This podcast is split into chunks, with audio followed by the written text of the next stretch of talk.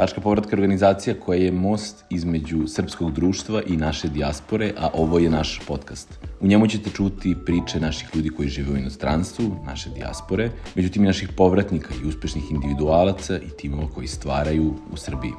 Helena Ivanov, naša današnja sagovornica, nije bežala od izazova u svojoj karijeri. Od transformisanja kulture debatnih klubova u Srbiji kroz osvajanje najviših mesta na svetskim debatskim takmičenjima pa sve do master studija na prestižnom Oxford univerzitetu, Helena je zaista imala priliku da okusi šta znači život van granica Srbije. Uz odluku da svoje akademsko usmerenje dalje profiliše kroz doktorske studije na Londonskoj školi za ekonomiju i političke nauke, ali i život u Londonu i Njujorku, Helena je vrlo nesebično podelila sa nama šta sve čini kako lice, tako i naliče medalje jednog uspešnog cirkularnog migranta. Uživajte u najnovijoj epizodi Tačka povratka podcasta. Uh, Helena, dobrodošla. Veliko mi je zadovoljstvo ovaj, i čast što si odvojila vremena da nam se ovaj, pridružiš danas i da malo popričamo o tvom uh, ne mogu da kažem baš povratničkom putu, ali putu cirkularnog migranta, svakako. No, i tako da mnogo ti hvala što si odvojila vreme i što si u svom rasporedu našla ovaj, ovaj jedan slot za nas. Mi smo kao tim veoma zadovoljni, baš se radujem da danas popričamo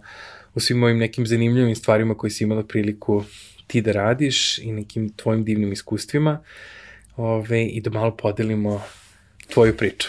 Hvala, hvala puno na pozivu. Biće ovo zanimljivo iskustvo i za mene jer sam relativno skoro stigla u Srbiju iz Amerike i ovaj, nisam imala puno prilike da pričam o tome kako, zašto sam došla, koliko ostajem, šta su dalji planovi, tako da će ovo biti prvi put da je tema fokusirana samo na to pitanje i da pričam s nekim o tome, ali hvala na pozivu. Ne, hvala tebi što si, hvala tebi što si došla i nekako, ja mislim da je, kad smo, kad smo prvi put razgovarali, uvek imamo onaj, onaj osjećaj, kao, super je kad se s nekim na kecu onako skontaš i kad imaš onaj klik moment kao, aha, zašto imam osjećaj kao da razgovaramo kao da se znamo 100 godina i to mi je baš onako, to mi je baš onako bio prvi utisak i re, rekao sam kao baš se radujem ovom podcastu, mislim da će da bude sjajan, ali ajde, sad ti si neko ko je, ovej, uh, ono kad ljudi uzmu da googluju tvoje ime, izađu leponovinski članci, naša najuspešnija učesnica debate i neko ko je kao ono, back in the day u svojim prvim studentskim danima zapravo napravila neko baš boom sa tim. I reci mi, kakav je, kakav je sad osjećaj neko ko je kao, ono, kao čekaj, čekaj, ova žena zna da odlično debatuje i da složi fantastičan argument i kao pobeđuje top studente sa top univerziteta. Kakav je osjećaj? Pa ja sam jako ponosna na to što sam ja i moj debatni partner Stefan Siriđanski uradili. Osjećaj ne može da se poredi sa puno stvari mm. koje sam prošla kasnije u životu. Postizala sam i neke druge uspehe, ali to je zaista bilo onako posebno i jedinstveno na mnogo načina.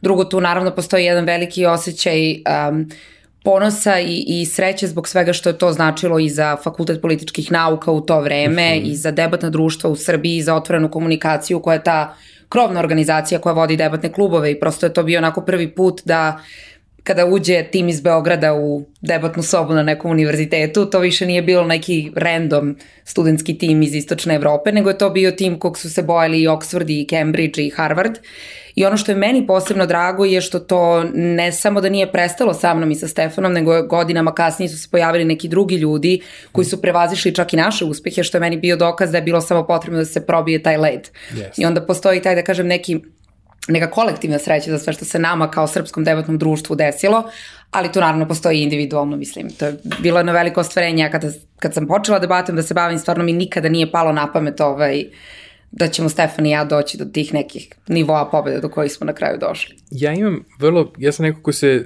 kao student bavio dugo mood courtom, odnosno kao simulacijom suđenja. I onda Beogradski tim je na uh, simulaciji suđenja u, na takmičenju Willem CV u Beču, već ono potpuno household ime. Mi tu smo redovno u top 10, top 5, top 15, mm. top 20 i kao univerzitet u Beogradu u tim krugovima kad je međunarodna arbitraža u pitanju poznato ime. Debata je mi, zapravo, to su dve onako stvari kada ti kažeš univerzitet u Beogradu, ljudi su u fazonu, aha, čekaj, ovi ljudi znaju šta pričaju i kao, čuvajte se, znaš, kao nekako imaš, što je meni fascinantno, jer ti kad, kad pogledaš, nekako divno je da u tim, ono, da, da, da, da, u takvim nekim stvarima univerzitet u Beogradu je baš kao poznat. Ne, ne samo da je poznat, Univerzitet u Beogradu je ove godine domaćin svetskog debatnog prvenstva. Ovaj, a, takmičari su se, pošto postoje različiti, mm -hmm. različite zemlje koje se takmiče da, da ovaj, to organizuju i Beograd je pobedio, tako da a, Univerzitet u Beogradu je sada postao poznat i po tome što prosto ima fenomenalne debatere i otprilike očekivanje da će na evropskom ili svetskom prvenstvu neki tim odavde biti u finalu, ako ne i pobednik. E, super je što smo se onda samim tim i probili na to, tako da kažem, tržište sudija, tako da sada skoro svaki tim sudija na evropskom ili na svetskom ili na nekom velikom međunarodnom turniru će uvek imati nekoga sa univerziteta u Beogradu, a sada smo i ponovo domaćini, jer smo 2012. bili domaćini evropskog prvenstva, evo sada i svetskog, tako da debata je stvarno ovde procvetala, a i za MUT sam nekoliko puta čula, čak sam imala prilike i par nekih ljudi koji su učestvovali u tim mhm. takmičenjima da upoznam. I predivan je osjećaj, mislim, prosto univerzitet u Beogradu u mnogim stvarima nije uspeo da dođe na jednak nivo sa nekim drugim svetskim poznatim univerzitetima, ali postoje tako ti neki prostori poput debate protiv, pored muta, poput muta gde smo stvarno šampioni, da ono... Dobro, da što mi imamo taj svađalački mentalitet, kao ja, ja, ja želim da budem u pravu, ja ću svoj argument da ti prenesem. To je vratno jedan razlog što kao redovno upisujemo 1000 plus studenta, što na političke nauke, što na pravni fakultet, jel? Apsolutno, Ove, apsolutno. To nam je u krvi. To nam je u krvi, da, jeste. Da. Ove, veća administracija nego što država ima potrebu, ali nema veze. Ove, ima tu i kvalitetnih stvari i sad zanimljivo je, ja mislim, sad ne znam da li tebi to bilo iskustvo, ali meni su takmičenja na fakultetu otvorila nekako ono razmišljanje da kao, čekaj, čekaj, čekaj, ja svoj argument mogu da ponudim na jednom drugom nivou mm -hmm. i mhm. kao, ja sam možda dovoljno dobar da ovo negde nastavim dalje? Jer si imala ti taj moment? Pa, ja sam došla na ideju da odem u inostranstvo mahom zbog debate. Ja prosto kad sam krenula da debatujem, ja sam samo tu neku prvu godinu bila fokusirana na turnire u zemlji u regionu i vrlo brzo nakon toga smo Stefan i ja počeli da idemo na međunarodne, međunarodne turnire i tu sam imala prilike da upoznam dosta ljudi. Mislim i da uđem u hale tih fakulteta. Ovaj, I onda u jednom momentu sam shvatila, ok, sva ta putovanja i svi ti univerziteti, pogotovo u Engleskoj, su mi prosto prijeli. Bilo mi jako lepo da budem tamo, uvijek mi bilo žao kad sam se vraćala odande. Ovaj, a i sa druge strane sam shvatila, pa ako ja mogu u debati da pobedim nekoga ko studira na Oxfordu, možda bih ja mogla da se okušam da studiram na tom Oxfordu i da svoje akademsko znanje usavršavam tamo i tako sam i došla na ideju da se prijavim. I imala sam preporuku prijatelja ovaj, kog sam isto upoznala preko debate koji je studirao na Oxfordu, koji mi nakon trenutku rekao kao pa čekaj stani, mislim, hoćeš da ideš da studiraš u inostranstvu što se ne bi prijavila engleski, pričaš perfektno, dosta si onako dopao ti se Oxford i engleska generalno, upoznala si puno ljudi tamo, dobar si debatera, to je nešto što se generalno kroz engleski edukativni sistem konstantno provlači u društvenim mm -hmm. naukama. Tačno. I onda je on rekao što se samo ne bi prijavila i tako je počeo moj imigrantski put. Da li si imala Harry Potter fantaziju? Ja živim u Harry Potter fantaziji dan danas. Dobro, pitam te, Mislim. to ti pitam zašto sam ja tu svoju fantaziju ostvario u, u drugom gradu sa istim sistemom edukacije koji je Cambridge i onda da. uvijek imam taj moment Ove, to dok ne doživiš ne možeš baš ljudima u potpunosti da objasniš, ali ja bih volao da ti meni ispričaš ono tvoju verziju odlaska na master studije u, na Oxford i kako je, koji je tvoj ono, koji je tvoj ono prvi reality check da kažeš kao, jel se meni stvarno ovo dešava sad? Ja stvarno mislim kada je Oxford u pitanju, da se taj reality check dešavao konstantno i da on mhm. zaista nikada nije prestao. Pošto sam ja dve godine bila u Oxfordu, onda četiri godine u Londonu. Nekako u Londonu ipak postoji neki realan život, postoje neki yes. realni ljudi, to je grad. Dok Oxford zaista izgleda kao da ste u filmu Harry Potter, samo se ne uči magija, nego sam ja konkretno učila političku filozofiju. I onda je taj reality check se meni konstantno dešavao, jer bilo je situacija, ne znam, ono, drugarica ja ustanem ujutru, jer sam živala na momentu sa drugaricom i kao odem u biblioteku da spremamo ispite i sedimo u jednoj od najstarijih biblioteka u Engleskoj, Magna Carta Libertatum je kao tri sprata ispod mene, što je onako probudimo u sekundi kao gde se ja to nalazim, šta se to meni dešava u životu i u principu je stvarno tako bilo dve godine, jer nekako i taj grad, pošto je toliko stari, pošto je sve u, toj, u tom gotskom stilu i ceo grad, tako znam, znači, ne znam da li sam videla deset modernih zgrada u tom nekom delu Oxforda u kojem sam se najviše kretala, prosto stvarno imate osjećaj da ste non stop u nekom, u nekom filmu. Uh -huh. A da taj film... Da ti, zapravo, če, ti samo čekaš da vidiš kameru zapravo, ili si da. sve vreme si kao u zonu... Da. Aha, ovo je potpuno nerealno neki da. život. A ono što tome dosta doprinosi je što i dosta turista dođe, koji su mhm. naravno pomamljeni Harry Potterom, da su oni svi obučeni kao Harry Potter i svi idu sa nekim kamerama i nešto snimaju i deca ono, mašu štapićima, tako da stvarno vrlo često sam imala ono kao, je ovo stvarno moj život? Ja stvarno živim ovde, nisam ja poludela. da, dobro, ali Oxford, ja mislim da to je verovatno ono čar, ti kad prvi put odeš na studije i nekako imaš ne samo priliku da doživiš tu magiju mesta, koju oni zapravo vrlo tendencijozno održavaju, održavaju, jer to je deo tradicije. Znaš, Da. To su ti činjenica da ti imaš, da si kao član koleđa koji ima neke neprekinute tradicije od kao 1346. godine i da se ta tradicija održava kao 700 godina. Meni je taj moment, kao taj moment da ti shvatiš da postoji institucija koja ima tradiciju koja održava 700 godina kao neprekinutu tradiciju, Da. je meni to fascinacija na nivou na kojem kao to nekako kad kažeš to je jedna stvar, ali kad ti to doživiš, Da, da, To je apsolutno. potpuno drugi način prema tome. Jel si, jel ti, jesi imala taj... E, Na mnogi načine, naravno, mislim, od, od tog procesa matriculationa, koji ne znam i kako bi ovde prevela, što je u principu kao proces kroz koji zvanično neko postaje student Oxforda, pa onda naravno i do ceremonije diplomiranja ko- koja prati proceduru koja postoji već 700 godina. To su oba momenta ako se onako baš sećam da sam pomislila kao čoveče, ono, ovo su ljudi radili pre 300 godina, da je identičan način na koji ja to radim i dan danas. Ali ono gde sam, da kažem, to najviše ostalo i od tad sam o tome, verovatno mi i mozak svesno otišao u tom pravcu, ovaj, razmišljala najviše kada sam imala ispite. Jer ja sam imala na masteru tri ispita i pored odore koja apsolutno mora da se obuče i ne dao ti Bog da nešto obučeš pogrešno, onda ne, nema ulaska na ispit, što mi je bila kao prva fascinacija čoveč, ono, je li moguće da u ovakve ono, najstresnije situacije za sve studente oni i dalje razmišljaju o tradiciji. Postoji još jedan moment, a to je da se stavlja karamfil. Beli je bio za prvi ispit, roze za srednji i crveni za poslednji. I potpuno mi je bilo fascinantno kad sam išla od kuće do tog exam school gde smo svi polagali ispite, kako sam morala da razmišljam koji mi je sad ispit i koji karanfil kupujem. Zatla, I onda koliko mi je instinktivno bilo kao ja što je ovo čudno ili kako oni tako funkcionišu ili zašto je ovo sad bitno kad u stvari imam ovaj vrlo važan ispit.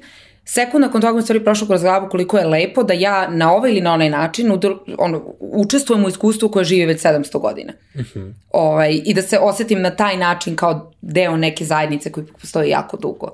Ovaj, tako da je to bio lepo osjećaj, da, jako. Kako si se osjećala kao, ili nekako si se osjećala možda, koji ti je ono bio, sad kao, ima taj kao lepi romantični deo ovaj, boravka u Oxfordu, ali sad ima onaj moment, ti sad okružena nekim super pametnim ljudima, da li si ti u nekom trenutku osjećala kao ono, potpuni vanzemaljac tamo i da si prispitivala sebe kako sam ja došla ovde i zašto se nalazim ovde, ali da si onda imala onaj moment da shvatiš, čekaj, čekaj, čekaj, ja ovo mogu. Jer si imala taj, je se desio taj klik? A, to za vanzemaljce se definitivno desilo. Mislim, na fakultetu političkih nauka svi ispiti koje sam imala su bili usmeni ispiti. Na Oxfordu apsolutno ništa nije usmeno. Mislim, mi kao imamo neki seminar, ali to su diskusije, a svi ispiti su pisani. Da. Ja sam jako malo eseja pisala i onda sam se prosto zatekla u situaciji gde je moje znanje ocenjivano metodom koju ja skoro uopšte nisam koristila. Ja sam došla na Oxford kao dobar govornik, ne kao dobar pisac. A sad odjednom glavni kvalitet koji je trebalo da imam je pisanje, a govorni što je bilo kao super što si ti dobar govornik i što lepo artikulišeš i da je usmeno, ali u principu se to ničemu ne računa kad je u pitanju ovaj konačna ocena i to mi je bilo jako teško, pogotovo jer sam bila u grupi koja je imala mislim, većinski su bili ljudi koji su studirali u Britaniji, koji su prosto bili izloženi tom sistemu edukacije i naravno to je bilo vrlo frustrirajuće. Mislim, ja kad, smo, kad sam radila kao taj prvi test esej, da pošaljem svoje mentorki da ona čisto dobije neki osjećaj kakav sam ja student, ona je meni rekla morat ćemo ozbiljno da radimo. Pa sam tako pisala esej svake nedelje i, i bilo je teško. Um, ne znam da li sam imala tu vrstu klika kao da ja ovo mogu, koliko sam imala, meni je ovo toliko zanimljivo i ja, to, ja ovo toliko želim da radim i ja toliko želim da idem na doktorske studije da ja moram da nađem način da se ovde snađem. Pa kako to bilo? I onda naravno kad sam konačno uspela da upišem doktorske studije, to je bio onako jedan boost samopouzdanju u smislu kao ok, uspela sam da preguram tu prvu godinu da dobijem tu visoku ocenu koja je bila potrebna za upis na doktorat i to onda bilo onako vrlo, vrlo dobro za mene. I pred početak drugi godine na Oxfordu naravno. Koliko je, koliko je recimo drugačije, znaš, kada odeš, to što si rekla, meni je, ja sam imao potpuno identičnu fascinaciju, to, svi ispiti na pravnom su usmeni i ti se kao odeš tamo na master, gde se isključivo ocenjuje kako si napisao esej. I ti se u vrlo limitiranom vremenu i kao nadaš se da ti su ruka neće ukočiti posle 3 sata pisanja i kako se ukoči, ono, Imam ovde i dalje ono, kao, kao žuljić mi je Isto. ostao od Isto. Oxforda. Da. Isto. Ove, ali je, um, ono što mi je recimo, što me zapravo neko interesuje, e, nikad, znaš, mi uvijek pričamo o dobrim stvarima, ali mm -hmm. nikad ne stanemo zapravo malo da porazgovaramo o tim nekim drugim stvarima koje kao nisu tako idealne. Mm -hmm. Kao, ovo što si ti sad opisala je zapravo ono sećanje koje imam ja, koje imaju drugi ljudi koji su otišli na masteru englesku, to, je taj neki, ono, to su neke lepe stvari, ali ima i nekih stvari koje su teške, mislim, ono, koje mm -hmm. nisu jednostavne, a koje su prosto deo tog da. odlaska. Da. Šta je tebi bilo, šta, šta su tebi bili ti neki momenti koji su ti onako bili ja, ja uvek kada me neko pita o selekbi u Engleskoj, ja, ja i kad hoću, naravno uvek se prvo fokusiram na dobre stvari, jer meni je život tamo u izuzetno lepom sećanju, ali uvek želim pogotovo ljudima koji nisu otišli da žive u inostranstvu, bez obzira da su iz Srbije ili iz neke druge zemlje, prosto koji se nikad nisu sočili sa iskustvom imigracije, uvek volim da im ispričam moju prvu noć u Oksfordu. Znači, ja sam primljena na master, bio je sulud ispraćaj u Beogradu, ja sam do kraja osnovnih studija naravno živala s roditeljima što većina ljudi ovde radi, onda sam otišla tamo na master i očekivala sam prosto za količinu novca koja je data za smeštanje tom koleđu, da ću ja doći u namešten krevet. Uh, u praksi ja sam došla u jednu od tih prelepih starih kuća, ali sam živjela na trećem spratu, imala sam tri velika kofera, apsolutno sam samo jedan po jedan teglila u stepenice svaki imao 32 kg, jer sam apsolutno ono maksimalno koliko sam mogla da spakujem, toliko sam se spakovala. Ušla sam u sobu koja nije bilo jastuka, nije bilo organa, nije bilo posteljena. Onda sam tako mislila, jao što su oni divni, pa to je sve sigurno zapakovano i čeka me na portirnicu. Ja sam došla na portirnicu i portir me zabezeknuto pogledao i kao, to ti sama sebi treba da kupiš. Naravno, u tom momentu već 8 uveče ništa ne radi, kao ne, ne, ne, mislim nije problem, otići ću sutra, Ali eto, ja sam tu prvu noć provala, bukvalno sam navukla dva para, ono, farmirki i dva džempera i pokrila se kaputom i počela plačem i bilo u fazonu šta je meni ovo trebalo da ono iz svog toplog doma da imam sve, kao dođem ovde i kao smrzavam se i spavam ovako. Ove, ovaj, tako da to, to je taj neki prvi, prvo neko sećanje koje uvek ispričam ljudima, da taj moment odlaska nosi sa sobom jednu dozu i samoće i jednu dozu snalaženja, koju čovek, barem ja nisam morala nikada da iskusim u svojoj zemlji. Uvek sam imala nekako, neku, neki support network koji tamo, pogotovo u tim nekim prvim danima, mesecima, ne možete da imate. To je, to je priroda toga.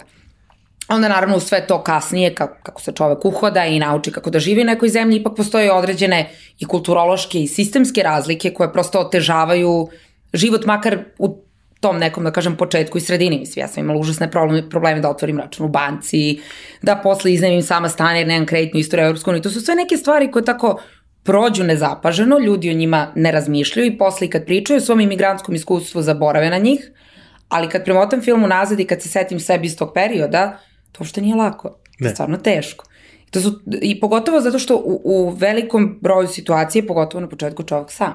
Mislim, kao može uvijek neko se pozove, ali Da, ne može tebi, ne može tebi da pomogne mama iz Beograda. Naravno. Ona može ti kaže, sin, mnogo mi je žao, ali kao, kao imaš problem da otvoriš račun u banci. Sve ono kao, da, meni to sad blokira da platim, da organizujem, da skinem aplikaciju, da, da. naručim. Da. Znaš, kao ti imaš to jedan moment u kome kao tebe te neke sitne stvari sistemski ti prave ono... A stvarno prave pakao od života, mislim, ono, ja sam našla, našla sam se u ono, kako oni kažu, catch 22, znači ne mogu da otvorim račun u banci, ne mogu da uzmem telefon i SIM karticu bez računa u banci, jer oni traže potvrdu, mislim, i kao vrtim se u krug sve vreme i kao, mislim, šta da radim. I sad, kako god to kao trivialno zvučalo, ja neko ne može da otvori račun u banci, to stvarno počne da otvara probleme. I mislim, na stranu što je naravno u većini tih, da kažem, sistemskih prepreka, argument uvek bio nisi iz Evropske unije, nisi iz Evropske unije, nisi iz Evropske unije, nisi iz Britanije, nisi iz Britanije. Što nije baš lepo da vas neko stalno, pot, ono, neko me stalno podsjeća kao, ti nisi odavde ti nisi odavde i zato je ovako teško. Bilo bi mnogo lakše da jesi odavde. To je isto nešto što je onako deo imigrantskog iskustva u velikom broju slučajeva, nažalost, o čemu opet mislim da se nedovoljno priča. Mm. Ali ta kontekstualizacija mislim da je jako bitna, zato što uh, to je okej, okay, kao svako, svako, to, svako preseljenje, bez obzira da li ideš ili se vraćaš, dolazi sa nekim setom izazova, sa nekom vrstom prilagođavanja i kao, samo je pojenta da to kontekstualizujemo na pravi način. Ništa od tih putanja nije idealno. Naravno. Ne bi bilo zabavno da jeste. Ove, ovaj, I onda nekako i taj i odlazak i povratak imaju i setnu i emotivnu i pozitivnu i negativnu stranu mm -hmm. i nose, ono, nose sa sobom ono, ono, ono, ono mešano osjećanja u jednoj kesi koja, ko, u kojoj ima svašta iz koje mi s vremena na vreme samo vadimo neke onako dobre primere, mm -hmm. ali ne yes. vadimo baš sve. Ali mi je mnogo drago što si ovo pomenula, znaš, ja mislim, znači ti si otišla na jedan od najboljih svetskih univerziteta, uh, što ti kažeš koji košta ono, basoslovni novac i taj smeštaj isto nestao. I nekako kao bila si suočena sa realnošću toga da ti prvu noć u svom krevetu on, spavaš, spa, spavaš na golom krevetu, jel? To je moment u kojem kao, to je, mislim da je to mentalno zapravo fantastična slika koja ti jako dobro opisuje koliko je sistemu u inostranstvu stalo do tebe. Da, ne, to jeste, mislim, ja ne mogu da kažem, postojali su, um, to je, to ovo što si malo pre rekao da, kao, da je jako mešano iskustvo. Čak ja bih rekao u nekim momentima pomalo budi šizofreno. Koliko s jedne strane su neke institucije bile maksimalno tu za mene u Engleskoj, čak ono na neke načine koje nisam i sigurna da bih možda i ovde iskusila. Ono, da ja jurim moj univerzitet, da oni meni reše moje stambeno pitanje u momentu kad mi neka papirologija fali, što su oni momentalno regulisali. A opet s druge strane postoji taj moment da dođem prvi dan i spavam na potpuno golom krevetu. Ovaj, ali ono što mislim da da je za mene i zašto uvek pamtim ono baš konkretno tu prvu noć. Zato što sam ja otišla odavde sa tim ono potpuno idealizovanim -hmm. koncepcijama. Sve je idealno, sve je perfektno.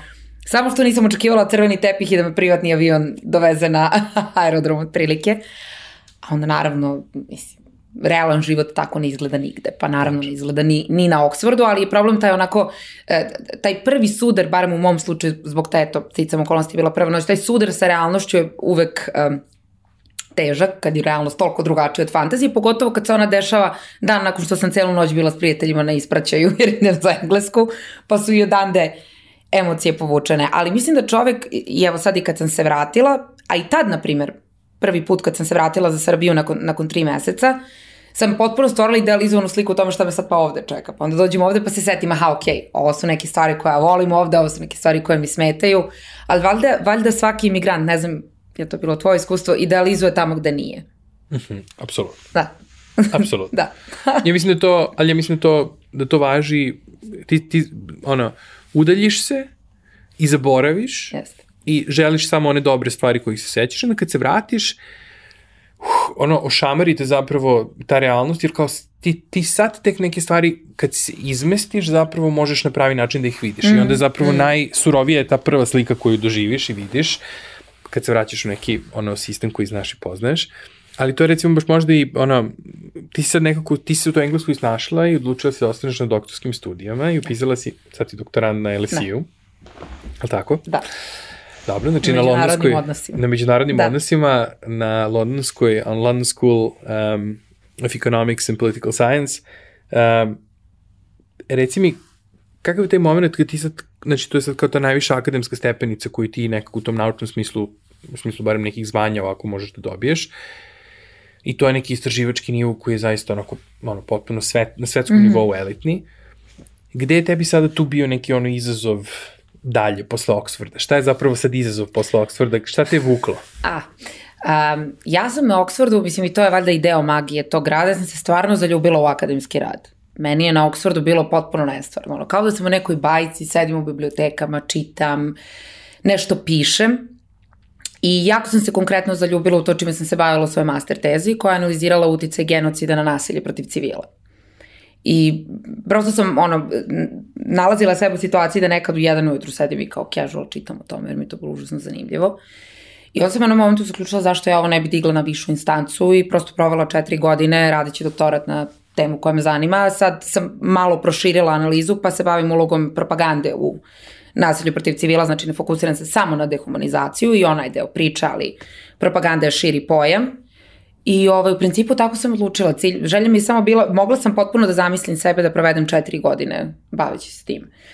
Ovaj, I ideja mi je bila da se preselim za London, jer smatrala sam s jedne strane, Oxford sam već iskusila, volala bi da živim i da studiram u Londonu i drugi, druga stvar, ovaj, uh, LSE nudi ubedljivo najbolje stipendije za doktorske programe i to je jedini doktorski program koji mene zanimao koji traje četiri, a ne tri godine. Uh mhm. -huh. A ovaj, svakako mislim da ako se radi doktorat koji uključuje mnogo empirijskog istraživanja, tri godine možda bude malo stegnuto. I onda mi je delovalo da kao, em ću imati iskustvo Londona, em i bolje stipendija, još traje četiri godine, pa se nekako sve lepo poklopilo. Dobro, znači LSE je zapravo bio ono, dobar i prvi izbor za, u, u mnogo različitih, da, mnogo, različit, da. mnogo različitog da. konteksta. Da. A kad, kad, kad je zapravo, ovaj, um, kad si imala prvi put onaj moment uh, fali mi nešto sad iz Beograda i da je bila neka ono konkretna stvar koja je možda bila onako dosta i nasumična, ajde tako da kažem, jesi imala taj neki moment, pošto neki naši prethodni partneri su imali kao, sve vremena vreme kao, ja, nedostaje mi ono kao miris kiše, kao zvuk kiše, kao u Beogradu, što je potpuno off onako. Ali Jogurt. Ti, Jogurt, apsolutno. Znači, ali traženje jogurta, to je stvarno bilo nemoguće, mislim. Mislim, ja sam tamo se uspela da pronađem ono sve te neke stvari kao od hrane i pića. Ono, ljude ne, mož, ne mogu da zamenim, ali oni su mi stalno nedostajali, ali jogurt je baš bila bitka, jer kao grčki jogurt postoje, ali to nije jogurt, to je grčki jogurt. Da. Tako da mi jogurt non stop nedostaje. Dobro, to, mislim, to je divno, zato što kao, to su stvari koje uzimamo zdravo za gotovo, to su neke sitnice koje ti čine dan, ono, mm, tebe, ti yes. to ono kao nešto podrž doručak. Uz jogurt. Da, da, to je, jutro. da, to je, to Kako je. Kako kajgana bez jogurta. da. Dobro, dobro, mislim, to su sad stvari koje mm. kao, jesi uspela da pronađeš bolju substituciju u Londonu za jogurt? Ili je bilo podjednako teško? Ne. Nemoguća misija. Dobro. Ne. Ne. Naš ne, našla sam sve te neke kao verzije, uh mhm. -huh. ali nije to to, nije, nije, nikad nije bilo to to. Nažalost. Kada si napustila englesku? Ah, kao i, kao i mnogi drugi ljudi koje, koje poznajemo dan, da u martu 2020. Ovaj, to je baš bilo na, na boom. Mislim, ja sam bila, tek sam započela četvrtu godinu a, doktorskih studija. Ne, treć, na trećoj godini sam bila, jo, koliko je vremena prošlo. Da, ja sam bila na trećoj godini doktorskih studija tada. I ja sam, ja sam inače blagi hipohondar, a onda kad sam već počela da čujem vesti o koroni tamo negde početkom februara po Evropi, mene već počela dramatično da udara panika, ali London ima taj stav, ma neće to nas, imunitet krda, sve radi. I onda u prvoj nedelji marta sam već videla da u Srbiji počinje i vanredno stanje i da se priča o zatvaranju granica i tako dalje. Dok je u Londonu i dalje, mislim, Boris Johnson, ja mislim, te iste nedelje kad je ovdje uvedeno vanredno stanje, otišao u bolnicu bez maske, bez rukavice i rukova se s ljudima koji imaju koronu. I rekao kako to ništa, prehlada. I meni u nekom momentu postalo jasno, ok, ovo ima svu tendenciju da potraje. Ja ako baš negde moram da budem zaglavljena, jer Britanija neće biti jedina zemlja koja neće ući u lockdown ako baš moram da biram gde ću da budem zaglavljena, pogotovo kad ne znam koliko će to zaglavljenje da traje, mnogo mi bolje da budem u Beogradu. I iskreno finansijski, mm -hmm. u smislu troškova života u Londonu. A i drugo, nisam bila tamo dok je bio lockdown, ali po onome što su mi prijatelji rekli, ispostavilo se da je moja pretpostavka bila tačna, Tačno. da je to najdepresivniji grad na ovom svetu kada je zatvoren, da je to stvarno onako baš mračno i baš strašno. Mm. I onda sam ja tako lomila da li da idem, da li da ne idem, da li da idem, da li da ne idem, šta da radim. I 17. marta ujutru sam rekla, 18. marta ujutru se vraćam za Srbiju. I onda sam 17. marta popakovala sve svoje stvari. Amazon me prvi put u životu ispalio za dostavu, tako da sam sve svoje stvari spakovala u velike crne kese za smeće, šest godina života, nameštaj, televizor, sve, sve, sve, sve. Sva sreća, pošto storage već su bili potpuno prepuni, jer su ljudi počeli da odlaze tako. Imala sam prijatelj u Londonu koji je prihvatio moj ceo nameštaj i sve moje stvari, kupila kartu i došla. I onda je to bilo na dva meseca, na tri meseca, na četiri meseca, međutim LSE je sve vreme ostao remote uh, i savet zvaničan fakulteta je bio ako ne morate, nemojte se vraćati. U Londonu iskreno pandemija bila paklena i dalje je. Jeste. I onda mi prosto nije imalo nikakvog smisla da se vraćam, pogotovo gde je i moj mentor čak rekao u ovakvim situacijama uvek treba biti blizu porodice, porodica ti je tamo na tvoj doktorat, to ne da nema loš utice, čak možda ima i pozitivan i tako se to desilo. Otkud Amerika? To se verovatno i ja pitam u retrospektivi. ne, zato što, znaš, počeli smo razgovor, počeli smo, počeli smo razgovor sa tim kao, ti si rekla, ovaj, evo kao, samo što sam se vratila iz Amerike. Sad, znaš, da. volio bih da zapravo, super je dramski, dramski moment uh, strava, jer kao, aha, čekaj, čekaj, znači, prošle godine si se vratila, da, da. doktoranci, još uvijek si doktorant, kako A. sad Amerika?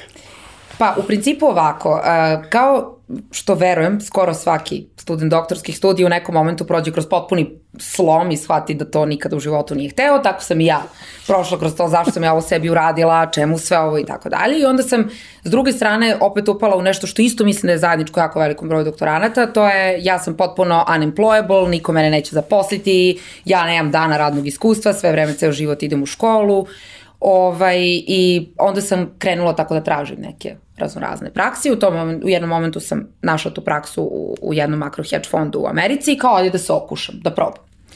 Ja dobijem tu praksu, ta praksa je trebala bude 8 nedelja u Americi, međutim, pošto je praksa bila na letu 2020. bila je dve i po nedelje ovaj, online. I to je meni delovalo super, oni su meni ponudili uh, stalno zaposlenje i prosto je delovalo, uh, delovalo kao prilika koju bih se ceo život pitala šta bi bilo da nisam otišla, šta bi bilo da nisam probala. Bilo je u pitanju izuzetno dobra firma, uh, vrlo, do, vrlo dobri poslovni uslovi, otvorilo mi je mogućnost da odem i da živim u Njujorku, da vidim kako izgleda Njujork, kakav je život u tom gradu. London mi svakako nigde neće pobeći i prosto i karijerno je bila prilika koja se ne propušta, a nekako mislim da i životno bila prilika koja se ne propušta. I onda sam smatrala otići ću, pa ako upali, upali, ako ne upali, ja uvijek mogu da se vratim.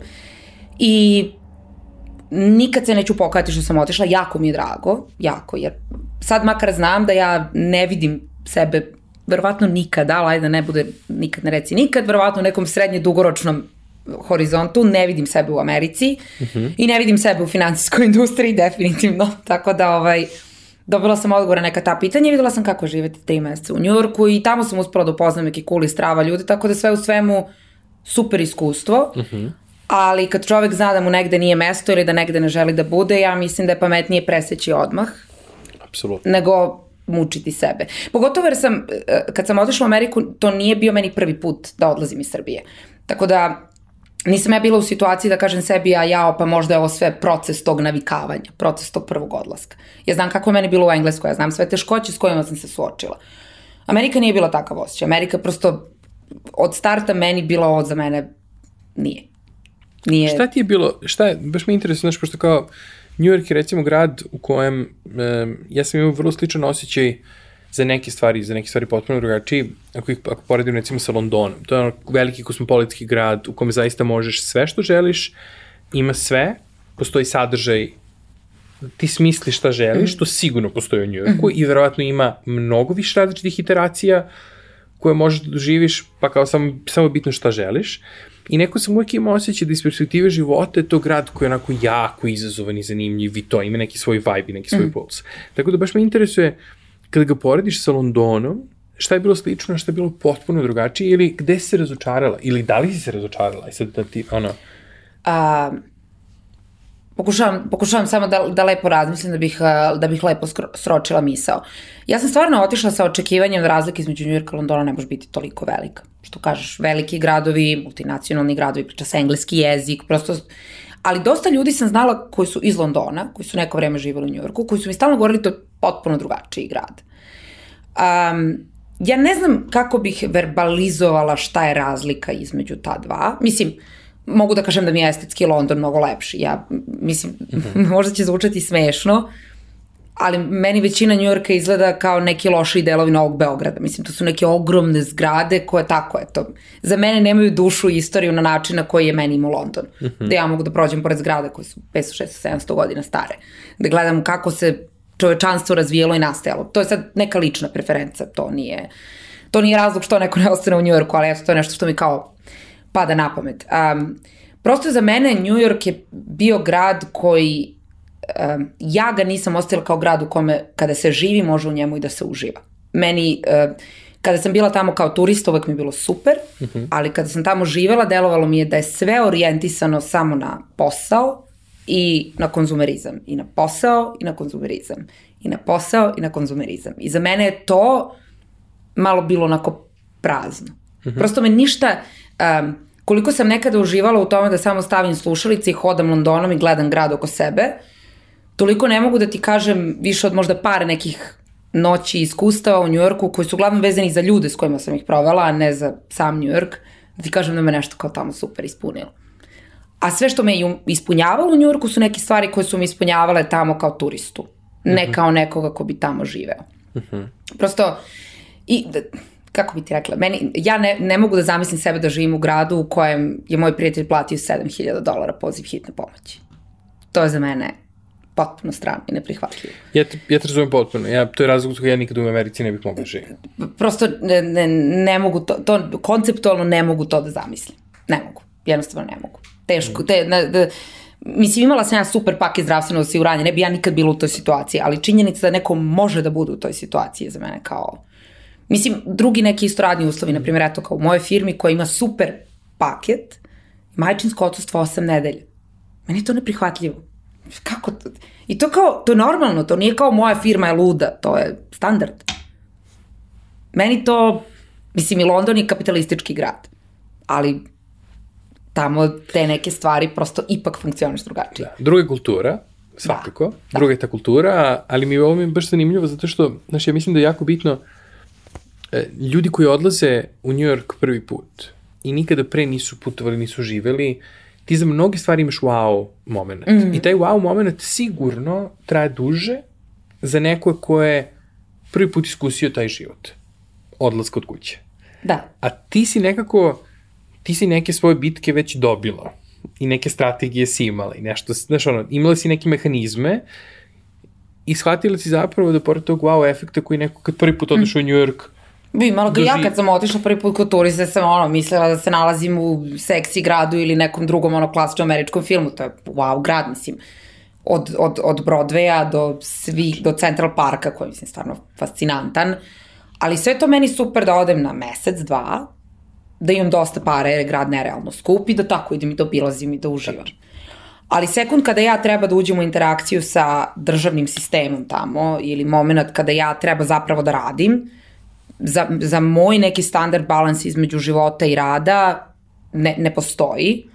A interakcije sa državom nema, jer ona apsolutno ne učestvuje, mislim, zdravstvo je privatno, sve je privatno, niš, niš, mislim, tako, treba policija, ona će da dođe džabe, to je prilike to.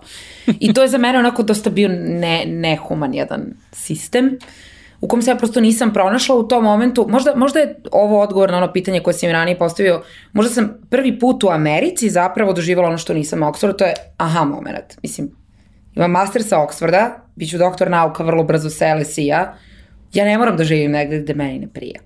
Da. Ja ne moram da živim u sistemu koji funkcioniše po principima, ne, ne osuđujem ih, nek, gomili ljudi to odgovara i potpuno razumem zašto bi neko želeo da živi tamo, ali ja ne želim. Ja to ne moram.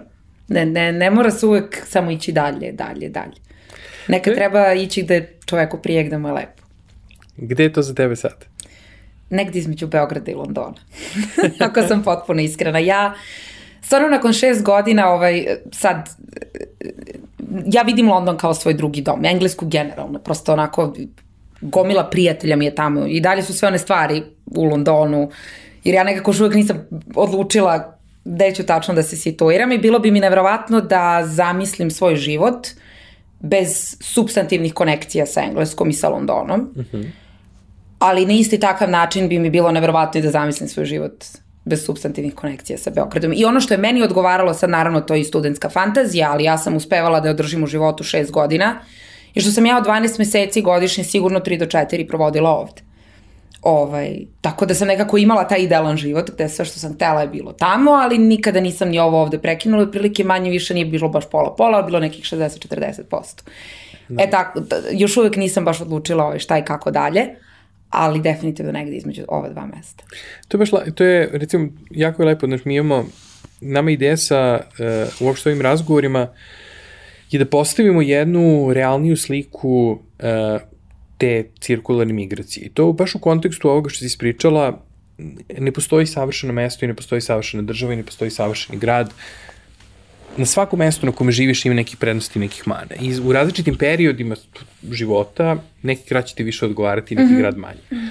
Ali je divno zapravo, ovo što si rekla, ne mogu da zamislim da izgubim kontakt ni sa jednim ni sa drugim. Ja mislim da je to zapravo negde ključni moment, to je da kao ljudi shvate da sa Srbijom i sa Beogradom ili sa nekim drugim gradom iz koga mm -hmm. su mhm. recimo Novi Sad, Niš, Kragujevac, sve jedno, uh, ti možeš uvek da zadržiš dobre kvalitetne veze sve i ako nisi tu. Apsolutno. I ti mostovi koji, na koje, koje moraš da gradiš i koji nekako zahtevaju i održavanje i komunikaciju i posvećenost i vreme, imaju jako mnogo smisla, evo, baš da iskoristim tvoj primer, u ovoj situaciji u kojoj ti odeš u taj New York, kao visoko obrazovana osoba sa, ono, e, diplomama sa najboljih svetskih univerziteta, sa fantastičnom finansijskom ponudom, fantastičnom platom, znači ono idealan scenariju mm. odlaska u grad kao što je New York, bukvalno idealan scenariju, tebe ti mostovi koje si izgradila prethodno su ti bili dovoljno, dovoljna ono, kako da kažem, ono podrška da znaš da u trenutku kad to nije to,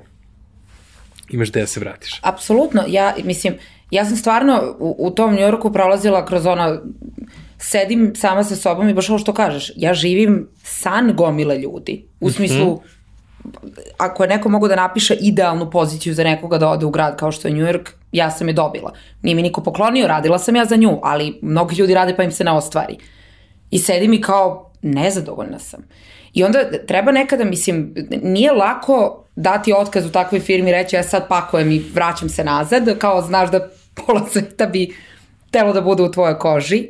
I ono što je definitivno značilo u tom momentu su svi razgovori s tim nekim ljudima koji su bili u Londonu i u Beogradu, kojima sam ja kao tako trabunjala u telefon, ono u krug, u krug, u krug. I naravno nekim našim ljudima u New Yorku, uključujući ovaj, uh, i cimarku moju. Uh, uh, kojim se kao pričala, ja stvarno nisam srećna, kao okej okay da ja odem, jel okej okay da ja kao kažem, naravno niko neće da ti direktno kaže kao ti daje otkaz i tako idealne posti vrati se kući, ali postojala jedna doza razumevanja, uh mhm. -huh. jedna doza podrške i ta spoznaja da ja uvek imam gde da se vratim. I to je nešto o čemu jako često razmišljam u poslednje vreme, jer kao često mislim o tome koje su sve teške strane jednog imigrantskog života i kao šta, koje su sve to neke stvari koje možda razume po mom mišljenju samo neko ko je prošao kroz imigrantsko iskustvo. Ali shvatam da ona koja je najlepša i koju stvarno imigranti imaju za razliku od ljudi koji ne odu iz svoje zemlje je da taj osjećaj da uvek imaš da, da se vratiš. Uh mhm. -huh. Koji nemaš ako nikad nigde nisi otišao. Uh mhm. -huh. ovaj, to mi je onako najlep, naj, možda čak i najbitniji deo imigrantskog iskustva. Ja imam jednu dozu slobode. Ja mogu da odem bilo gde. I možda mi se dopadne mnogo ili možda mi se ne dopadne uopšte. Uh mhm. -huh. Ali uvek imam da se vratim. To je baš, ne ježi sam sad kad si to rekao, zato što mislim da je to nešto kao emocija koja se, koju osjetiš, ali redko kad verbalizuješ i kontekstualizuješ. I znači nekako, mnogo mi je drago što si to rekla, zato što um, tebe za jedan prostor uvek vezuje mnogo više od prostora ili mesta. To su mm. ljudi, to su konekcije, to je kulturni kontekst, hrana, na kraju krajeva taj divni jogurt koji si pomenula, jel?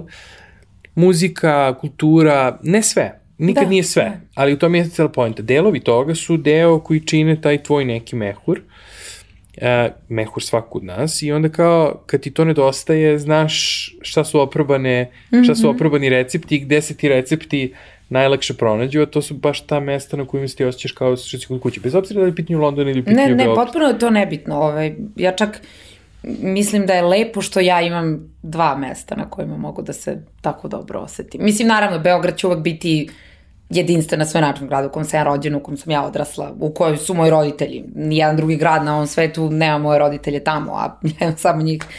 Tako da, ovaj, ali lepo je kada se razvije takav osjećaj sa nekim novim mestom, pogotovo kad postoji taj moment kao ovaj život sam ja sama ovde sebi izgradila. Ovo nije život koji je meni dat ili koji se meni slučajno desio, jer eto, baš sam se tu rodila, ne, ovo je život koji sam ja izabrala, koji sam ja izgradila i koji ja želim da živim. Postavljamo uh, neka pitanja skoro uvek. Evo ja na prethodnom ovaj razgovoru se nisam setio da uradim, ali evo sad se setio pa ću tebe da pitam. Imamo, da li znaš koju si knjigu najveći broj puta poklonila drugim ljudima kao poklon? Da li si imala knjigu koju si više mm -hmm. puta poklanjala? Jel znaš? Da, stranac. Aha, Kamijev stranac. Kamijev stranac. Da. Zanimljivo. Dobro. A, jel znaš zašto? A, zato što je to moja omiljena knjiga uh -huh. i mhm. onda ovaj, kad god čujem u nekom razgovoru da neko nije pročitao, ja odem i kupim i dam i tom nekom. Ovaj, a, a zašto mi je omiljena knjiga? A, mislim, prvo mislim da je fenomenalno napisana, ali drugo sam potpuno fascinirana da a, taj odnos njega ko, ko, koji interno prolazi nešto što ne ume da ispolji, ne ume da iskomunicira na način na koji društvo to očekuje od njega i da on u stvari na sudu zato što ne pati za smrću svoje majke na način na koji to društvo očekuje. Za meni poruka koja se primenjuje na previše aspekata u životu i onda mi je potpuno ovaj, fascinantna. Da, koliko je nekad lepo biti izgubljen u prevodu. Da, Da, da. da. A drugo pitanje koje postavljamo da imaš magični štapić i da možeš da promeniš jednu stvar u Srbiji, mm -hmm. znači, opet se vraćam na Harry Pottera, jel, ceo pun krug, da imaš magični štapić i da kažeš sutra, ne znam, svo drveće će da bude roze, svi ljudi će da misle na ovaj način, ovo će da nestane, znači potpuno, ono, imaš otvoren, ot, otvoren dijapazon fantazije, šta bi promenila u ovom društvu šta bi izmenila? Ili imaš nešto? Sigurno ima verovatno više od jedne stvari, ali ono prva stvar koja ti pada na pamet... Svež vazduh. Čist svež vazduh. Trenutno glavna, trenutno velika tema i u Srbiji, ali ne samo u Srbiji. Mislim da je to, mislim da je to tema svuda.